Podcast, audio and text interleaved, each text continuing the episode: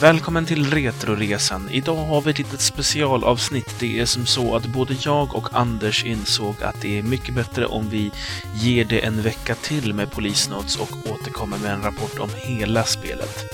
Men ni behöver inte gå tomhänta för det, så istället så bjuder jag på ett gäng förbluffande fakta om tv-spel för ert stora nöje. Matt Damon vägrade ställa upp i spelet baserat på filmen Born Conspiracy. Detta för att herr Damon tyckte att spelet var alldeles för våldsamt. Eh, ursäkta mig, Matt, har du sett filmen? I Donkey Kong så räddar ju Mario, eller egentligen Jumpman då, en prinsessa.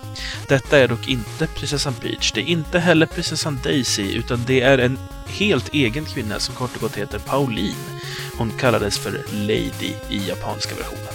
Atari är från början ett uttryck i ett kinesiskt spel som heter Go. Eh, man säger då Atari när man har sin motspelare, eh, så att säga, i ett attackläge, alltså att man är på väg att attackera. Det är ungefär som att säga schack när man spelar schack. Miniräknaren TI-83 av Texas Instruments har en mer avancerad grafisk processor än vad Commodore 64 hade. Det första spelet med flera olika slut är Castlevania 2 Simons Quest till NES. Den gamla spelkonsolen Magnavox Odyssey innehöll 40 transistorer, ingen mikroprocessor alls.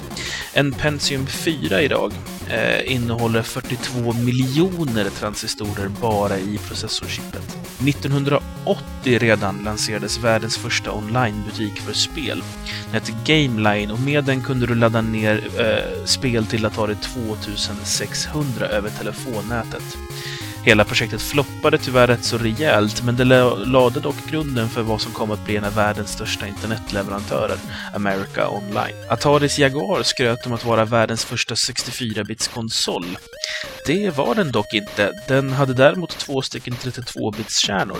Det är dock långt ifrån samma sak. Toshiyuki Takahashi, legenden från Hudson, innehar fortfarande världsrekordet i button mashing. Han kan nämligen trycka 16 knapptryckningar i sekunden. Om du klarar Doom i Sega 32X-versionen och fuskar så ser du inte slutfilmen utan du möts istället av en fejkad DOS-prompt. David Hayter, som vi alla känner som rösten till Solid Snake, är samma man som skrev manus till den första X-Men-filmen. Microsofts Xbox fick sitt namn efter DirectX, hette alltså från början DirectX Box och var tänkt att vara en showcase för hur DirectX skulle kunna hjälpa och fungera på en konsolmarknad. Spelkaraktären Megaman är blå, just för att på NES så var den blå färgskalan den mest givande att jobba med enligt spelets grafiker.